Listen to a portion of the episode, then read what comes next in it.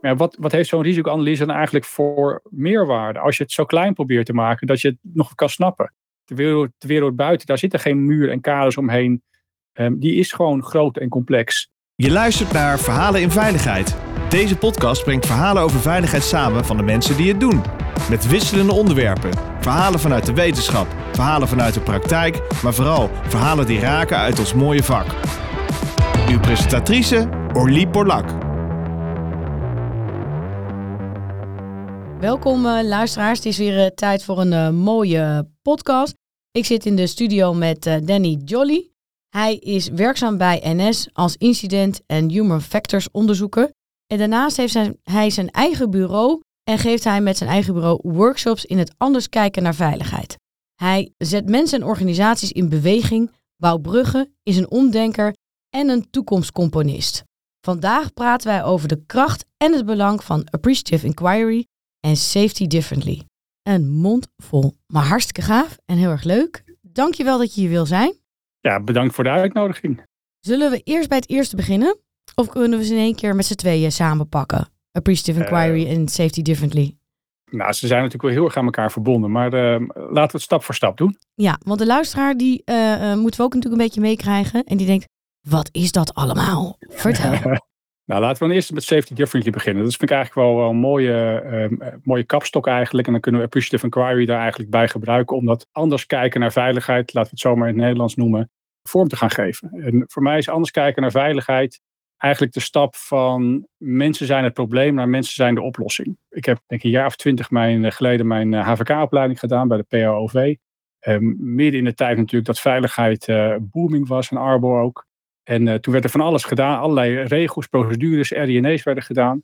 Maar wat ik altijd vooral merkte is dat uh, we dachten, ja, weet je, mensen moeten ander gedrag vertonen. Mensen moeten andere dingen gaan doen. We hebben nou een goed systeem gebouwd, goede procedures, goed beleid gemaakt. Maar ja, buiten doen mensen gewoon niet wat je van met ze afgesproken hebt. En dat bleef toch altijd wel een soort worsteling. Ik denk, dat klopt toch niet? En eigenlijk een aantal jaren geleden, um, toen ik bij NS kwam, toen ging ik uh, samenwerken onder andere met, met Roel van Winsen en David van Valkenburg. Um, en toen kwam dat Safety Differently voorbij zitten. En dat was, ja, niks komt natuurlijk met toeval tegelijkertijd. Uh, Rutger Bregman kwam er ook met zijn boek De meeste mensen deugen. En die vielen bij mij eigenlijk op dat moment gewoon heel goed samen. Van ja, je kan dus ook anders kijken naar veiligheid. Je kan anders kijken naar mensen. Um, en soms zijn mensen gewoon de oplossing. Soms zijn mensen, hebben we een systeem wat buiten is, wat eigenlijk niet goed werkt. En waar werk wat we bedenken eigenlijk niet aansluit zoals het in de praktijk gebeurt. En gelukkig hebben we mensen die buiten werken, die het probleem kunnen oplossen, die veiligheid kunnen creëren. Voor mij is anders kijken naar veiligheid eigenlijk geloven dat de mensen buiten de oplossing bieden. Ja, en daar, daar, daar werk ik naar. Dat is voor mij safety differently. Mooi. Ik ga trouwens uh, vanmiddag, dat is misschien leuk voor uh, luisteraar om te weten, voor jou ook, uh, Robert Jan de Boer interviewen. Hij is professor safety management en hij schrijft in zijn boek Safety Leadership dat er een discrepantie is tussen work as planned en work as done. En dat grijpt eigenlijk ook wel terug op een bestuurkundige aanname. Is dat men heel erg overtuigd was dat het denken niet in het doen zat. Dus concreet betekent dat, ik ben allemaal knappe koppen op kantoor, die hebben allemaal de TU Delft gedaan of die hebben allemaal een academische graad. En die gaan wel eens even uitzoeken hoe dat werk buiten dan uitgevoerd moet worden. Daar gaan we dan procedures over schrijven, gaan regels over schrijven. En dat gaan we dan gewoon opleggen in werkinstructies. En als je dan uh, onder de motorkap kijkt of je komt op de werkplaats, denk je, hé, hey, maar die mensen werken helemaal niet zo. En nu is Safety Differently die denkt van, hmm, Misschien is het niet de motivatie van de mensen dat ze niet doen wat onze regels en procedures zeggen. Maar misschien zou het toch kunnen dat het denken in het doen zit. En dat die procedures en regels misschien helemaal niet zo praktisch en zo slim waren als we op de voorhand hadden bedacht. Ja, zeker. Ik denk absoluut. Denk ik dat het daarin zit. Kijk, um, gaat u eigenlijk weer terug naar Taylor. Hè. Natuurlijk eigenlijk de, de oude uh, lopende band waar denken en doen oorspronkelijk gescheiden is. Wat we natuurlijk in de jaren 80 en 90 veelvuldig in Nederland hebben ingevoerd. Um, en ik, ook ik heb uh, jaren um, achter een bureau gezeten en beleid en procedures geschreven. Ook binnen de brandweerorganisatie waar ik hiervoor heb gewerkt. Binnen de NS waar ik mee bezig ben geweest. En op een gegeven moment dacht ik, ja maar weet je, je verandert eigenlijk gewoon helemaal niks met beleid. Het wordt er niet veiliger op, het wordt niet beter op. Mensen laken alleen maar gefrustreerd. En dat was voor mij eigenlijk de knop om te gaan zeggen, ik ga gewoon, ik, ik, wil weer naar buiten. Ik wil weer voelen wat de werkvloer voelt. Dus ik ben incidentonderzoek gaan doen. Ja, en dan zie je eigenlijk dat het allemaal heel leuk bedacht is op kantoor. maar dat de complexiteit van buiten eigenlijk niet aansluit bij alles wat daar bedacht is. In heel veel gevallen natuurlijk wel. Maar daar waar het spannend wordt of waar er afwijkingen zijn, ja, daar heb je gewoon die kennis en kunde van die, van die mensen nodig. Je kan dat niet denken en doen scheiden, want die vakmensen buiten die denken en doen ook. Sterker nog, waarschijnlijk zijn ze veel praktischer bezig en kunnen ze dat veel beter dan iedereen die op kantoor zit. Dus je moet dat allemaal bij elkaar, je moet het hele systeem bij elkaar nemen om echt die veiligheid te kunnen gaan verbeteren. En hoe valt dat dan op kantoor? Want jij bent natuurlijk, uh, hebt inside information. uh, ik kan me heel goed voorstellen dat men moeite daarmee heeft. En dat men echt overtuigd is ook van zijn eigen expertise en, en zijn eigen ja, inzichten daarin. En dat dat best wel lastig is te accepteren. Dat je dus niet op kantoor dingen beheersbaar en voorspelbaar buiten kan krijgen. Ja, kijk, natuurlijk is dat frustrerend. Maar het is ook een beetje de, de, het, ja, het dogma bijna waar we in opgroeien. Van je leert door, uh, je gaat, gaat studeren, um, je bent met je hoofd bezig en dan doe je goede dingen. Dan ga je op kantoor werken. En dan bedenk je dingen voor mensen die het, die het moeten uitvoeren. Zo hebben we natuurlijk jarenlang ook het hele onderwijssysteem ingericht. Dus iedereen, dat is gewoon het beeld wat mensen ook oprecht hebben. En dat, door dat beeld, dat moet je daar langzaam eigenlijk doorheen breken. Zeg ja, maar je moet het meer bij elkaar gaan nemen. En bij sommige mensen gaat dat heel goed. Dat gaat waarschijnlijk ook over levenservaring. Eh, zien en, en voelen wat het betekent. En bij sommigen moet je ze soms ook gewoon meenemen. En wat wij bij incidentenonderzoeken doen, is ook echt gewoon het verhaal vertellen. We laten um, in het kader van anders kijken naar veiligheid, gaan we niet meer achteraf kijken wat er gebeurt. Dus een oordeel vormen over wat er mis is gegaan. Maar we proberen te snappen wat de persoon in het moment, in die complexiteit, aan afwegingen had. En kon zien en hoe zijn werk was. En bij het incidentonderzoek geloven we er ook echt oprecht in dat iedereen een logische keuze maakt op dat moment, wat voor hem, die persoon op dat moment, de meest logische keuze is. En heel vaak gaat het goed en heel vaak levert dat prachtige uh, resultaten op. En soms gaat het mis. En dan moet je dus niet oordelen over wat er misgaat, maar moet je proberen te snappen wat die, wat die logica is, die, local rationality zoals we dat noemen. En ja, als je dat mensen laat zien en mensen daarin meeneemt, um, dan gaan ze ook langzaam zien dat het verstandig soms is om ook gewoon eens naar buiten te gaan. En gewoon achter het bureau vandaan te komen en te gaan ervaren hoe werkt het dan in de praktijk. En soms ook gewoon meewerken. En denk je ook dat het dan eigenlijk beter wordt, dus dat eh, Safety Differently uiteindelijk ook voor gaat zorgen dat er een, een wisselwerking ontstaat tussen beleid en praktijk, waarin je elkaar veel meer uh, gaat waarderen op elkaars uh, kennis en kundes en vakmanschap. En uiteindelijk wel naar bijvoorbeeld richtlijnen kan komen die daadwerkelijk wel effectief en toepasbaar zijn. Of, of denk je dat het een illusie is dat je zo de wereld zo voorspelbaar kan krijgen in regels en procedures? Ja, ik denk oprecht dat, dat het een illusie is. Uh, kijk, eh, regels, procedures, beleid heeft allemaal zijn waarde. Hè? Allemaal zijn meerwaarde ook. Uh, maar het is niet de oplossing. Um, het is niet de oplossing voor problemen. En als je het al echt goed organiseert, zodat je beleid en procedures maakt met mensen die daadwerkelijk het werk doen, ja, dan, dan, dan kom je al een stuk verder. Maar je blijft altijd onverwachte zaken mee te maken hebben. En die, die vat je niet in procedures en in, in, in, in werkinstructies. Dat vraagt erom van mensen dat ze um, ter plaatse um, binnen hun vakmanschap wat ze hebben, goed kunnen schakelen en weten waarvoor ze het werk doen en met welk doel ze het werk doen. En, ja, en dan komen ze echt tot oplossingen. Dus die procedures en werkinstructies kunnen natuurlijk zijn hartstikke prachtig en kunnen heel goed dienen als een soort backup of in het kader van, van, van change management om te zeggen waar, waar stonden we dan. Um, maar laat ze niet de werkelijkheid zijn. En hoe past appreciative inquiry hierin? Ja, mooie vraag. Appreciative inquiry, waarderend onderzoeken, dat, ja, dat is eigenlijk een, een, eh, een, eh, een gedachtegang, een, een concept, een um, theorie van, van David Cooperrider uit Amerika. Het gaat eigenlijk over waarderend onderzoeken. En er zijn allerlei verschillende elementen in, in appreciative inquiry. Um, maar voor mij is het eigenlijk bijna een soort, soort levenshouding geworden. En namelijk gewoon waarderend onderzoeken. Waardeer degene met wie je aan het spreken bent, wat hij doet, om, waarom hij dat doet. En heb dus, stel dus eigenlijk gewoon je oordeel uit. Of eigenlijk liever zo lang mogelijk je oordeel uitstellen. Um, en ga daarmee dus vragen stellen die het gesprek verder helpen. We proberen echt geïnteresseerd te zijn in wat de ander doet en denkt. En als je dat kan en dat gaat doen en gaat ervaren. En vragen gaat stellen die het gesprek verder helpen. Die, waarbij je echt oprecht geïnteresseerd bent. Wat is de gedachtegang van de ander? Of de werkwijze van de ander? Of waarom die dingen doet? Ja, dan, dan kom je ook veel dichter bij, die, bij het snappen van die local rationality van mensen. Dan kom je veel dichterbij in daadwerkelijk in hun schoenen kunnen staan. Om te kunnen snappen van wat ze, wat ze doen en wat ze gedaan hebben.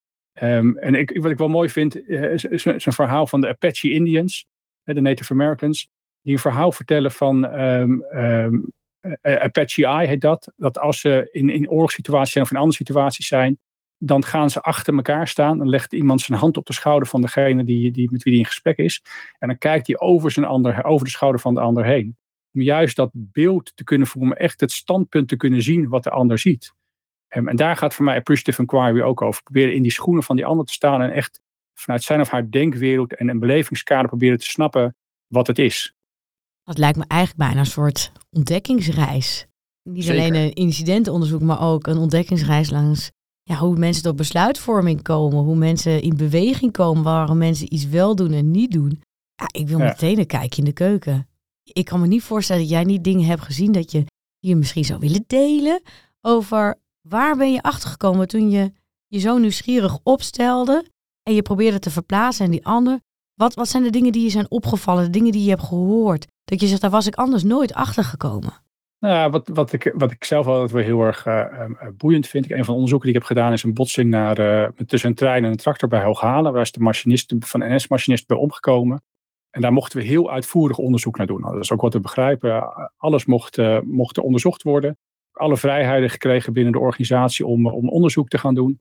En dan, dan komen er allerlei zaken, dan ga je met mensen praten en dan komen er zaken naar boven goh, waarom is die trein eigenlijk zo slecht zichtbaar? En wat, wat is er dan anders gebeurd? En, en, vroeger waren ze eigenlijk wel geel en uh, waren ze toen niet beter zichtbaar. Maar op het moment dat je dan gaat doorvragen naar mensen, dan kom je er eigenlijk achter dat er heel lang geleden allemaal regels zijn veranderd. En dat we van, toen vanuit de nationale regelgeving naar de Europese regelgeving gingen, toen het spoor net Europees werd, dat ook allerlei nationale regelgeving is weggevallen.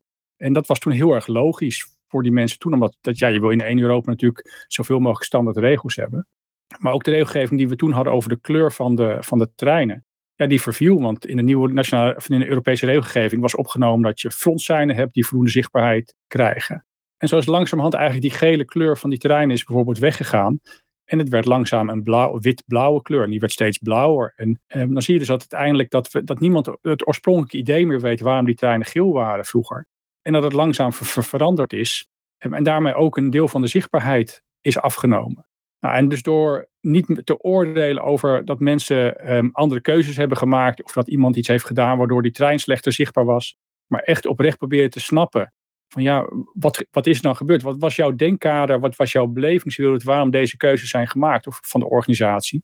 En dan kom je opeens achter waarom langzaam die regelgeving weg is gegaan. En dan zie je opeens ook veel meer regelgeving die in de afgelopen jaren langzaam vervaagd eigenlijk is.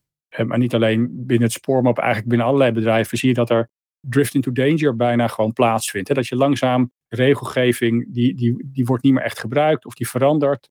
De gedachten daarachter vervallen eigenlijk. En dat, dat, die kennis die gaat langzaam de organisatie uit.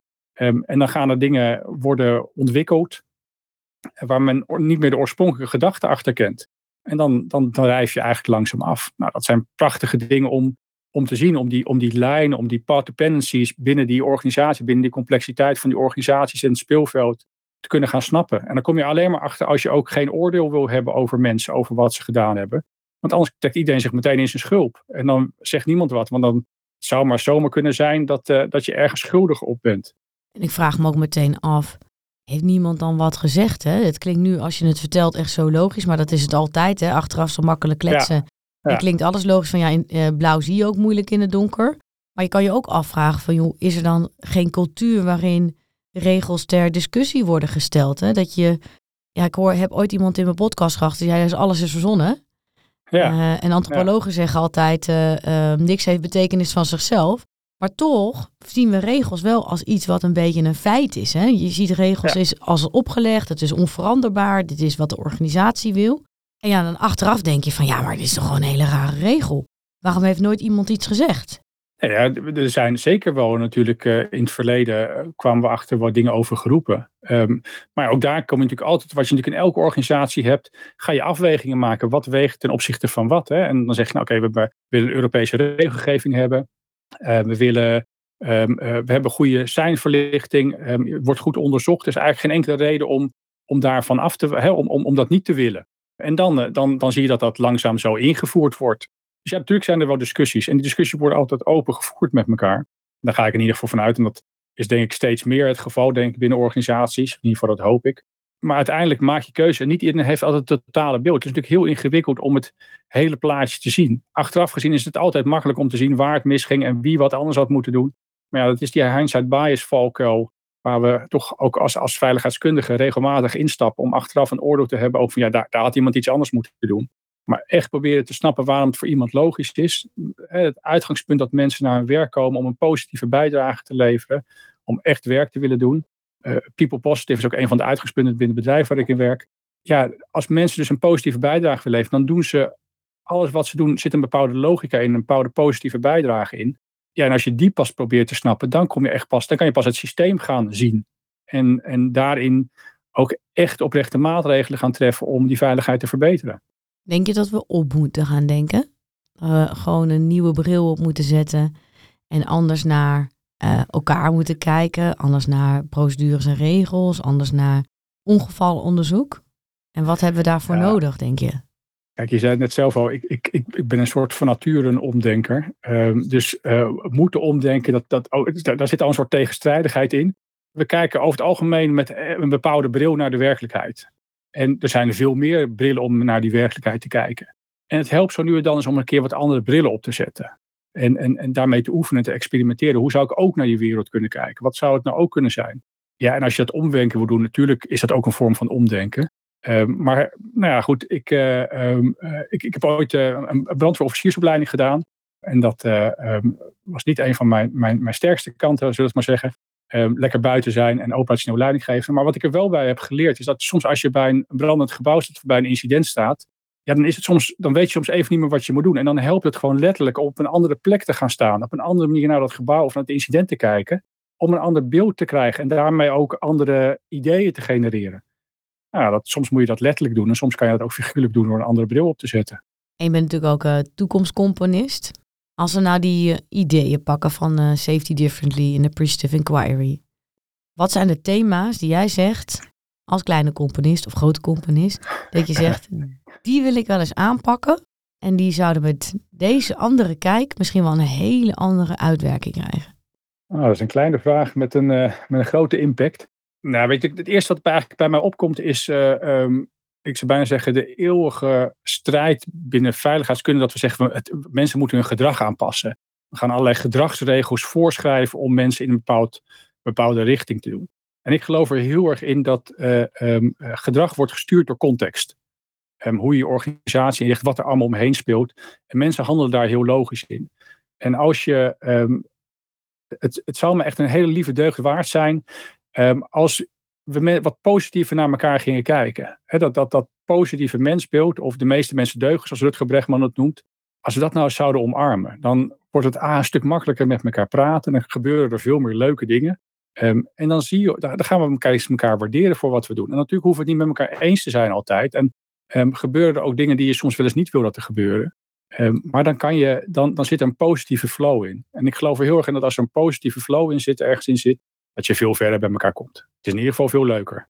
Ja, en ik denk dat het ook wel raakt wat je net zei. is dat het heel lastig is om in het moment als je daar staat, om alles wat met elkaar connecteert, alles wat elkaar beïnvloedt, het te overzien. Hè? Het, gewoon de situatie te overzien, uh, de chain of events misschien te overzien, de dingen die aan elkaar ja, correleren, die elkaar beïnvloeden, om dat te zien.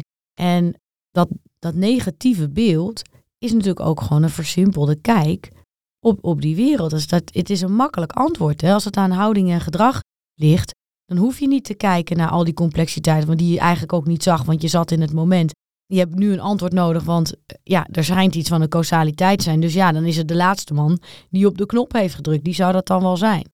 Dus dat negatieve beeld is, geeft misschien mensen ook wel misschien vals vertrouwen. Dat je denkt, als ik een antwoord heb over waarom het dan heeft plaatsgevonden, dan kan ik nog steeds geloven dat het morgen dan niet meer plaats hoeft te vinden. Dat het soort, het houdt onszelf dan overeind, zeg maar. Dat idee, denk je niet? Ja, een soort maakbaarheid. Van als ik het maar als ik, als ik het kan snappen, dan kan ik er wat aan doen. En dan uh, kan ik het voorkomen, in ieder geval. En nou, ik denk dat dat ook natuurlijk zeker wel gebeurt. En uh, juist door die versimpelingen proberen die, die lineariteit, die oorzaak-gevolg-relatie zo helder te krijgen. Ja, dan kan je de grip op krijgen. Dat, dat, dat krijgen we natuurlijk van jongs af aan natuurlijk al aangeleerd. Um, en als je heel ver in, in, in, de fysica teruggaat, dan heeft het eigenlijk mee te maken over hoe Newton gewoon ook zijn, zijn, zijn natuurkunde beschreef. Maar wat we natuurlijk ook zien in, in het kader van die complexiteit, is dat er veel meer oorzaak-gevolgrelaties, dat het allemaal met elkaar samenhangt, dat je niet weet wat de, oorzaak en wat het gevolg is. En dat doen we bijvoorbeeld natuurlijk ook met als, als we risicoanalyse doen, dan, kaderen we het ook af. Omdat het, als we het te groot maar ja, zeggen, dan kunnen we het niet behappen, dan kunnen we het niet snappen. Wat, wat heeft zo'n risicoanalyse dan eigenlijk voor meerwaarde? Als je het zo klein probeert te maken dat je het nog kan snappen. De wereld, de wereld buiten, daar zitten geen muur en kaders omheen. Um, die is gewoon groot en complex. Ja, en, en ja, mensen willen gewoon heel graag die duidelijkheid hebben. En dat snap ik ook wel. Dat, dat geeft een bepaald gevoel van vertrouwen. Uh, maar soms helpt het ook om je gewoon open te stellen voor datgene wat er is. En gewoon in het hier en nu te zijn. En te ervaren dat die wereld complex is. En daarmee ook heel mooi. Er gebeuren ook hele mooie dingen door die complexiteit. En, en ik zou zeggen, omarm het. Omarm het. En ja, volgens mij ben je ook wel heel creatief. Als de luisteraar nou denkt, die denkt van, ik vind dit best lastig. Denkt de luisteraar bij zichzelf van, uh, ja, wij deden gewoon uh, incidentonderzoek. En uh, dan gaan we gewoon kijken wat de chain of events is. En dan komt uiteindelijk, komt daar, onderaan de streep, komt daar een oorzaak uit. En nu vragen we wel wat van de luisteraar om eigenlijk dat helemaal los te laten en te zeggen, joh, in de enorme spaghetti die eigenlijk voor ons ligt, is maar de vraag of je daadwerkelijk ooit het, echte patroon gaat ontdekken. Hoe, hoe kunnen we, zeg maar, is een interventie om te leren om anders te gaan kijken? Om te leren om ook gewoon die, die wens om meteen een antwoord te hebben, een beetje loslaten. Welk, wat adviseer jij? Wat gebruik je in je workshops? Ik denk dat het, dat het, het, het mooiste is om. Nou, laten we bij Appreciative van Kwaai beginnen, met, met vragen stellen. Eigenlijk gaat de van Kwaai, de, de, de, handigste, het makkelijkste handvat wat je daarvoor kan gaan hebben, is uh, alle open vragen stellen. Dus alle W- en H-vragen, om het zo maar te zeggen. Uh, behalve waarom. Waarom moet je die doen? Want waarom is een heel erg verantwoordingsvraag. Uh, maar als je open vragen stelt, dan krijg je het antwoord en dan kom je in ieder geval een stap verder. Dan probeer je te snappen wat de ander beweegt. Um, en dat is denk ik wel de mooiste stap als je incidentonderzoek gaat doen. Probeer, probeer nou echt oprecht van alle stakeholders, van iedereen die erbij betrokken is geweest, echt te snappen waarom bepaalde keuzes zijn gemaakt.